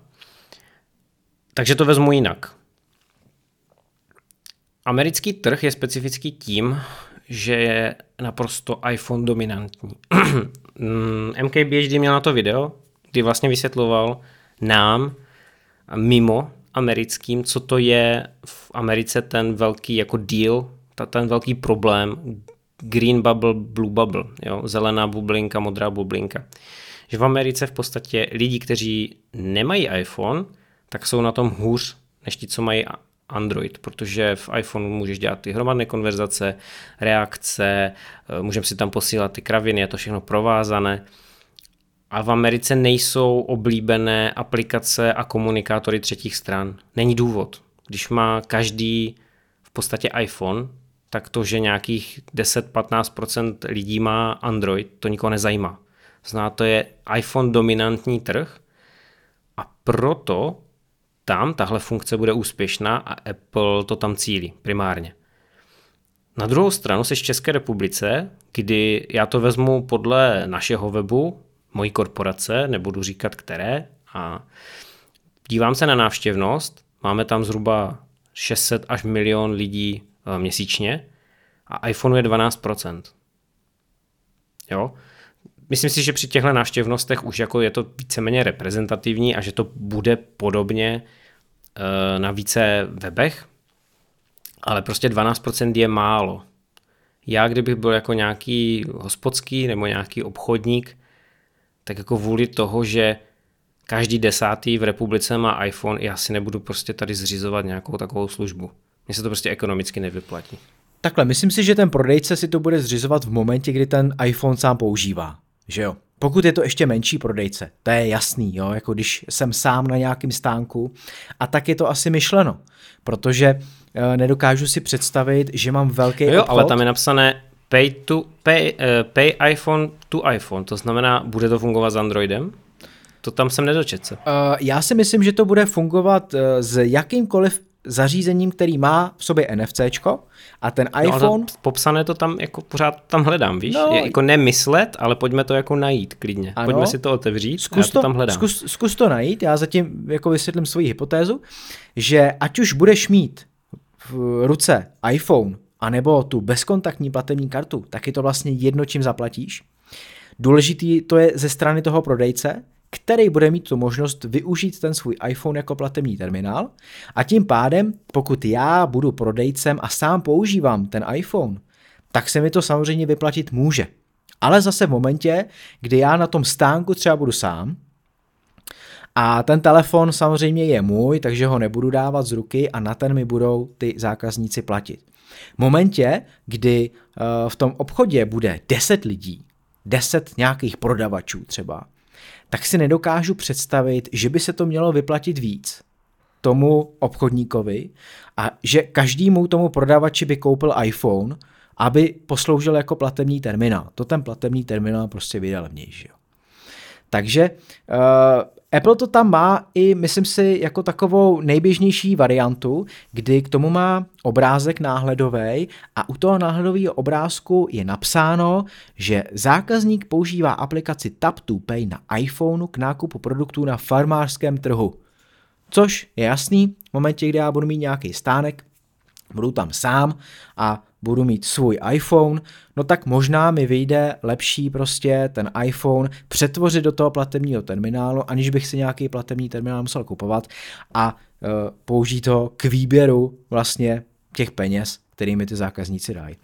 Takže... Tak, já jsem to mezi tím pročet. Teda. Jo, a zjistil jsi něco? Tak, uh, ano, můžeš to udělat tak, to znamená i v Čechách, to, co říkám, uh, to všechno je platné, ale vlastně já jsem to pochopil blbě. Takže správně by to mělo být takhle. Ty můžeš vzít ten svůj iPhone jako stánkař, uděláš si z něho ten platební terminál. Můžeš akceptovat fyzické nebo digitální kreditní a debetní karty, podporované, čili to, co jsi tam říkal, Visa, Mastercard a tak dále, anebo aplikace a platební systémy, které jsou schválené a jsou kompatibilní se standardem Apple Wallet. Apple poskytne SDK a vy můžete vytvořit svou iOS aplikaci, přes kterou budete moct platit. Jo, první z těchto služeb bude Stripe, a následovat bude speciální aplikace Čekej, pro Shopify, což je e-shopové řešení. Přes kterou budete dostávat peníze, ne? Teď ty nebudeš jo, nic platit. Jo, jo, jo, jo, jo, jo. jo. Jo, asi, asi, asi jo, asi, Ale asi úplně, z asi logiky věci, pokud budu mít zařízení s Androidem, s NFCčkem, kde budu mít nalinkovanou nějakou kartu, která normálně kdekoliv funguje, tak by mělo být jedno, jako používám službu, ne? Teď ten čip vyšle tu informaci o té platbě a už jedno, jestli se autorizuju v Apple Pay, Samsung Pay, Garmin Pay nebo jakýmkoliv jiným Pay. Teda to si to myslím, si myslím já. taky, Adame, ale zase a Apple to tam asi nechtěl vyloženě zmiňovat, že by napsal Google Pay a tohleto, že jo? To, no není to to zmíněno. No. no, ale jako taky si myslím, že vlastně stačí to NFCčko, který jo, je stačí, aktivovaný mě. pro ty platby. Bez to je prostě tak strašně jako zvláštně napsané, že teda já asi roztrhám svůj certifikát z angličtiny a jako půjdu se jako od, odstřelit, jo, protože já to čtu už po čtvrté a ty věty... Hoď to do Deeplu. no to, to bude ještě větší jako hovadina. Můžete použít svůj iPhone k jednoduchému a bezpečnému přijímání Apple Pay bez kontaktních kreditních a debetních karet a jiných digitálních peněženek přes jednoduché tapnutí položení asi té karty na iPhone. Žádný dodatečný hardware nebo terminál už není potřeba. No, a ta digitální... Tap to Pay na iPhone bude dostupný pro platformy, skrze integraci přes iOS aplikaci, která nabídne možnost platby svým biznisovým, jakože zákazníkům prostě takhle. Stripe bude první platební platforma, která nabídne aplikaci pro Tap to Pay na iPhone a jejich biznisové prostě zákazníky, včetně platby na e-shopovém řešení s Shopify. Toto jaro. Další platební metody budou jo, v budoucnu Petře, následovat. Dobře, to si může každý přečíst a my jsme to všechno v podstatě řekli, takže děkujeme. No já jsem za... spíš tady zamotal, tak jsem to chtěl vysvětlit, protože to budu stejně asi za blba. Ne, eh, čili je jasný, že teda Stripe, Stripe funguje už i v České republice, uh, nicméně pořád tohle to bude asi zamčený, omezený na americké obchodníky, takže stačí, aby měli účet na Stripeu a tam potom se dopídí, jakým způsobem si to mají provázat i s tou službou Tap to Pay. V momentě, kdy uh, někdo takhle zaplatí, tak i na Stripeu se jim to hezky ukáže a mají tam veškerý daňový podklady, takže krásně pak uh, to můžou i danit a tak dále. A proč by to dělali, když můžou vybrat prachy v keši a nikomu to neříct? No, tak to už je jejich věc samozřejmě, jak to chtějí obcházet nebo nechtějí. Ale je zajímavý, že to vlastně bude fungovat od iPhoneu 10s a vyššího, takže platební terminál neuděláte z desítky a nižšího modelu. Juhu. A zarazilo mě trošku, že Apple Pay v Americe používá 90% a více prodejců. Jo, mně to přijde jako šíleně vysoký číslo, který si Apple vycucal z prstu, protože co jsem poslouchal, a už jsem to tady vlastně říkal, uh, jeden podcast, tak tam jako bylo řečeno, že vlastně Apple Pay není skoro nikde v Americe. Ale to je marketingová fráze. Ona může být pravdivá. Tam je, těm ty chybí jenom ten kontext a oni je to tam nedají. Ano. Může to být 90% prodejců, kteří mají bezkontaktní terminál. A, ne, tak to je možný. Může, ale oni ti to neřeknou, protože to se nehodí do toho marketingového žargonu. A ono by to dávalo smysl, protože když je bezkontaktní terminál, no tak jako v podstatě u nás vždycky podporuje Apple Pay. Jo. Takže tam by to smysl určitě dávalo. No ale jinak, jako říkám, co jsem poslouchal, tak tam jako hlavně berou cash, a nebo zastrkují karty. vlastně, takže bezkontaktní placení moc tam nefrčí, no, tak nevím. A později v tomto roce i přijde do Apple Store tady ta možnost. Což je zajímavé, že později v tomto roce, kdy teda Apple Store vlastně nebude první nějaká instituce, eh, kde bude možný eh, s tím platit. No. no dobře, takže Apple uvedl úplně novou funkci, která tady bude možná za pár let, možná nikdy, a možná se ani nechytí, ale mně to přijde jako docela dobrá záležitost. Tak, pánové, chcete k tomu ještě něco dodat, nebo už jdeme na tip a, a rozloučíme se? Nechcete. Tak jo, jdeme na ten tip.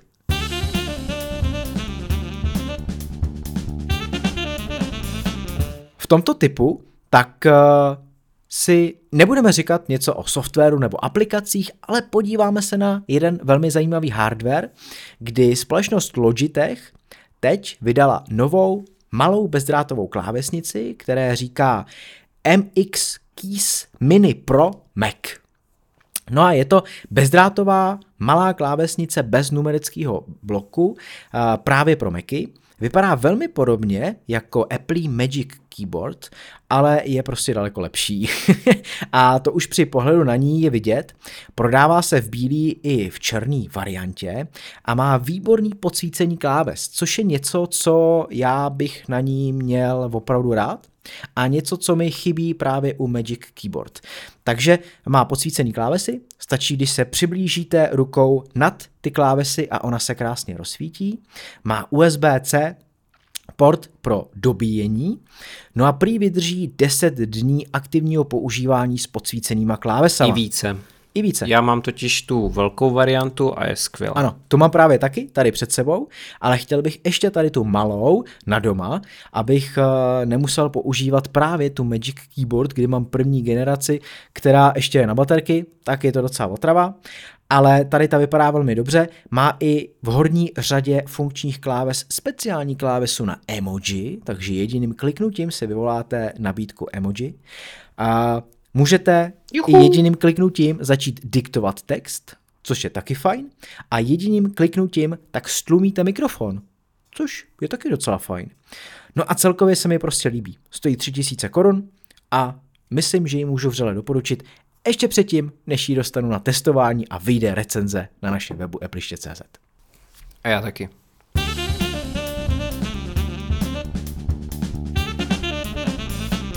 Děkujeme, že jste nás doposlouchali až sem.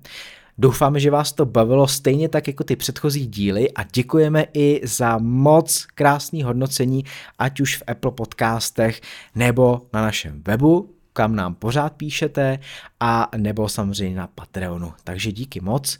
Šestý díl končí, my se uslyšíme zase za týden, no a můžete nás poslouchat na našem webu appliště.cz nebo na všech podcastových platformách Apple Podcasty, Google Podcasty, Spotify, YouRadio Talk, Lekton a tak dále. Takže díky moc, těšíme se na vás zase příští týden. Ahoj. Čau, Čau, čau.